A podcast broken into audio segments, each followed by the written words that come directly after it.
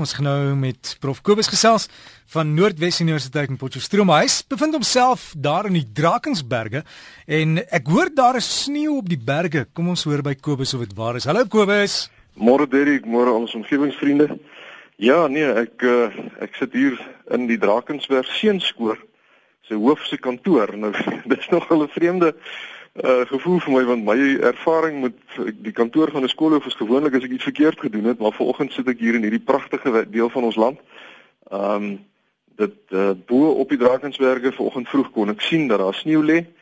Uh en dit is bewolk hier en dan is dit toe en dan is dit oop, maar wat 'n voorreg om om hier in hierdie mooi deel ook te kan wees. Ehm um, nou ja, ek wil graag vanoggend begin terug by die omgewing met 'n brief wat ek met uh, ons omgewingsvriende wil deel en dit is van meneer Gustaf Pinaar van Vleesbaai. En hy vertel dat hy 'n vriend in Duitsland het, in Frankfurt, wat tot met sy aftrede verlede jaar 'n senior ingenieur by Siemens was. Nou Siemens, weet ons almal, is daai reuse maatskappy wat wêreldwyd betrokke is by die oprigting van kragstasies, die vervaardiging van elektriese toerusting, die konstruksie van kragnetwerke en dies meer. So dis werklik 'n gesaghebende vriend. Uh, sy naam is Gerard Soekant en hy was 'n senior ingenieur en hy het interessante inligting in verband met die verstommende groei in groen energie in Duitsland uh hier na Suid-Afrika toe gestuur. Die groot nuus is dat op Donderdag 18 April verjaar, dis so 3-4 weke gelede, Duitsland se energieopwekking uit groen energiebronne 'n rekordhoogtepunt van 36 gigawatt bereik het. Nou soos my kennis strek is dit meer as Suid-Afrika se totale opwekkingsvermoë. Duitsland het 'n piekverbruik van omtrent 70 gigawatt wat uh, as ek reg is meer as dubbel soveel is as Suid-Afrika se opwekkingsvermoë. Maar die merkwaardige nou hiervan is meer as die helfte van Duitsland se elektrisiteit deesdae van groen energiebronne afkomstig is. Hulle het meer sonpanele as windplase, maar die windplase werk gemiddeld meer elektrisiteit op omdat die wind nou snags ook waai en sonpanele werk natuurlik nie snags nie. As ons Duitsland se wind en sonhulpbronne met Suid-Afrika vergelyk, dan het ons 'n baie lang winderige kuslyn en reuse semi-woestyne wat beteken dat ons 'n baie groter potensiaal het vir groen energieopwekking as Duitsland. So as ons regering nou werklike wilsbesluit neem, dan gaan daar duisende werksgeleenthede ook geskep word om al die windlaaiers, biogasaanlegte en sonpanele op te rig en in stand te hou. En die grootste voordeel is natuurlik dat wanneer die aanvanklike vervaardigingskoolstofvoetspoor van hierdie groen tegnologie verdiskonteer is, die energieopwekking van dan af skoon en omgewingsvriendelik gaan wees vir die res van die lewensduur van die turbines of die panele, met die gevolg dat ons land se koolstofvoetspoor dramaties verklein sal kan word. Ons riviere sal skoner bly omdat daar nie groot volumes water onttrek sal word vir steenkoolkragstasies en hulle asdamme nie en ons atmosfeer sal baie skoner wees en ons sal ons steenkool vir baie beter en meer winsgewende doeleindes kan aanwend eerder as om dit net bloot te verbrand om elektrisiteit op te wek. Duitsland se hernubare energie sektor groei vinnig en hulle kernkragsentrales gaan oor 9 jaar heeltemal afgeskakel en afgebreek word. Hulle doel is om teen 2050 totaal groen te wees. Met ander woorde, geen olie, gas of steenkool sal dan meer verbruik word om elektrisiteit op te wek nie. En net 20 jaar gelede het die Duitsers groen energie eintlik as 'n grap beskou en 'n piepklein 500 kW windplaasie wat destyds is uh, opgerig is as is as 'n reuse aanleg beskou. Ingenieur Soekant sê dat daar wel tye is wat Duitsland nou elektrisiteit moet invoer vanaf die Europese kragnetwerk en dis nou wanneer die son nie skyn en die wind ook nie waai nie. Maar hy sê dat as mens na die gemiddelde situasie van Duitsland kyk, dan is Duitsland reeds Europa se grootste elektrisiteitsuitvoerder. Hy sê dat Duitsland groot probleme met hulle kernafval het, want hulle het steeds geen veilige plek om dit nou te berg vir die volgende 40000 jaar totdat dit nou veilig is nie. En hy sê hy wonder waarom die mense nie hieraan gedink het voor hulle begin het om kernkragstasies te bou nie, want niemand wil vandag naby enige radioaktiewe afvalgebied woon nie. So wat maak hulle nou met die afval? As ons na werkskepping kyk, dan het die groen energie sektor in Duitsland tot dusver 380 000 werksgeleenthede geskep en hulle verwag dat dit sal styg tot 'n half miljoen werksgeleenthede binne die volgende paar jaar. En die nuutste neiging in Duitsland is dat die gemeenskappe soos klein dorpies nou self inspring en hulle eie groen elektrisiteitskoöperasies op die been bring. En as hulle nou meer elektrisiteit produseer as wat hulle self gebruik, dan verkoop hulle die oormaat elektrisiteit aan die nasionale netwerk teen 'n billike prys. Ingenieur Soekant argumenteer ten slotte dat ons in Suid-Afrika eintlik veel beter behoort te vaar vanweë die enorme natuurlike hulpbronne wat ons het en wat Duitsland nou natuurlik nie het nie, maar tog is Duitsland ons baie baie ver voor. Nou die implikasie vir ons Suid-Afrikaners is dat ons natuurlik gewoond sal moet raak aan draaiende windturbines op die gesigseinder, want ons kan nie oorgaan na groen energiebronne toe sonder om byvoorbeeld windlaaiers op te rig nie. En die NIMBY beginsel, dit staan vir not in my backyard, wat sê dat almal saampraat ten gunste van groen energie totdat iemand se uitsig verander gaan word deur 'n draaiende windturbine en dan wil hy iemand dit skielik nou nie meer hê nie. Hierdie NIMBY beginsel sal ons maar 'n bietjie moet laat vaar. Ons sal almal opofferings en aanpassings moet maak as ons die voorbeeld van Duitsland wil navolg ter wille van die omgewingstoestand wat ons vir ons kinders en ons kleinkinders wil nalaat. Baie dankie meneer Pinaar van Vleesbaai vir u interessante inligting en vir ons omgewingsvriende wat dalk enige invloed in regeringskringe het wil ek eintlik vanoggend eh, mooi vra om hierdie boodskap sterk te propageer by ons besluitnemers sodat Suid-Afrika ook eerder die groen energieweg betree as om nog steenkoolkragstasies of kerninstallasies te bou. Dan weet ek iets heeltemal anders. Gereelde omgewingsvriende sal moontlik onthou dat daar onlangs weer 'n paar mense is wat vir my geskryf het en gevra het hoe om te maak om van swerms bye ontslae te raak sonder om die goed nou dood te maak gegee die feit dat die bye wêreldwyd afneem hulle getalle. Nou klompie ander omgewingsvriende het toe gereageer en ek gaan so 'n paar van die raad te noem. Meneer Gert Pretorius sê dat hy saamstem dat die swermbye eers deur 'n professionele persoon verwyder behoort te word en hy sê dan kan mens al die was verwyder en gewone swembad kloor daar gooi voordat jy dan nou die opening met silikon of poliuretaanskuim verseël.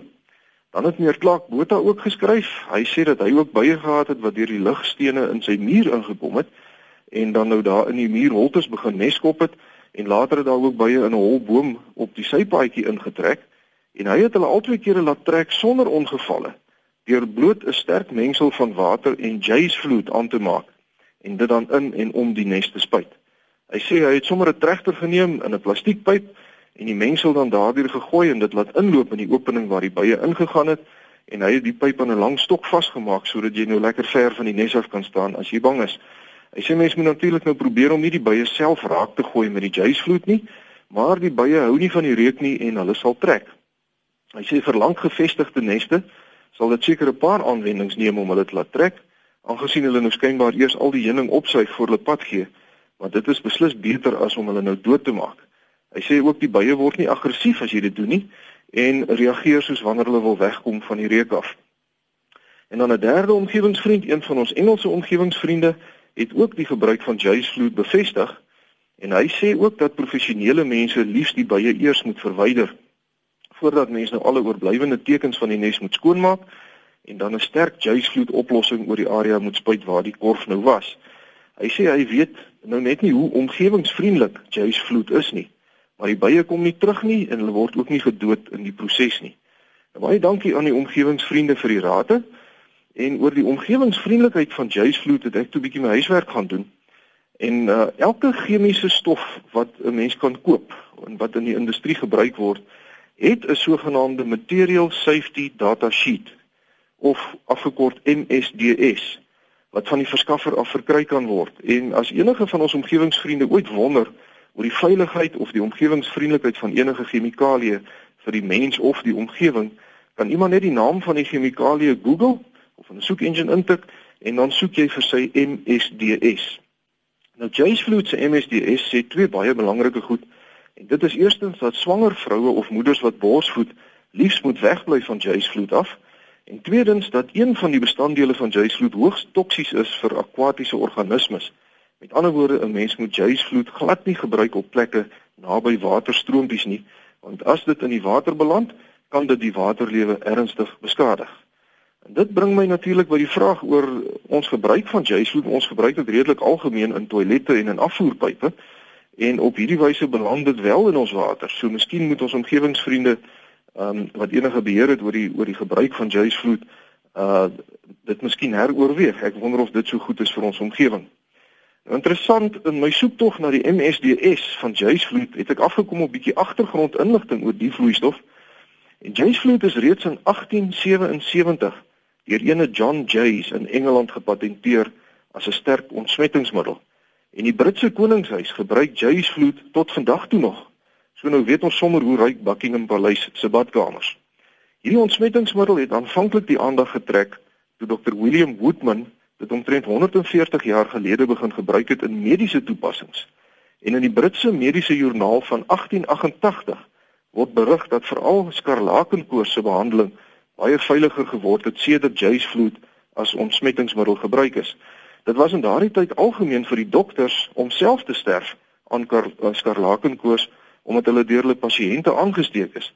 Maar in die 10 jaar tussen 1877 en 1887 het nie een enkele medikus aangesteek nie en nie een van hulle het gesterf nie omdat dokter Woodman sy pasiënte gereeld laat bad het in warm water met 'n bietjie jaysvloed in en dit het 'n merkwaardige verbetering in die behandeling van hierdie gevreesde siekte tot gevolg gehad.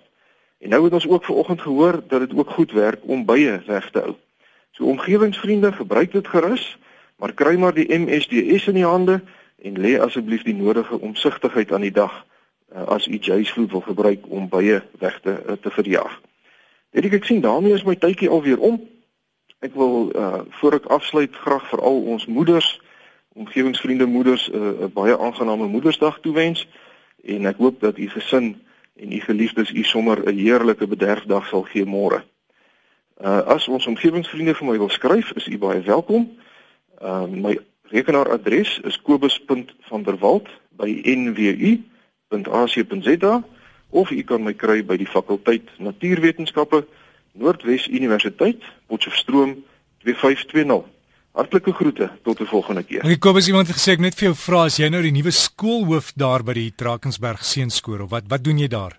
Nee, Derek, nee, my dogter trou DV met die hoof van die Drakensberg Seunskool uh se se seun en ons is maar hier hulle hulle beplan om hier in die berge te trou so oor 'n maand of 2 3 en ons is maar hier die naweek om om bietjie reëlings te tref in uh en te sorg dat alles regloop vir die mooi dag.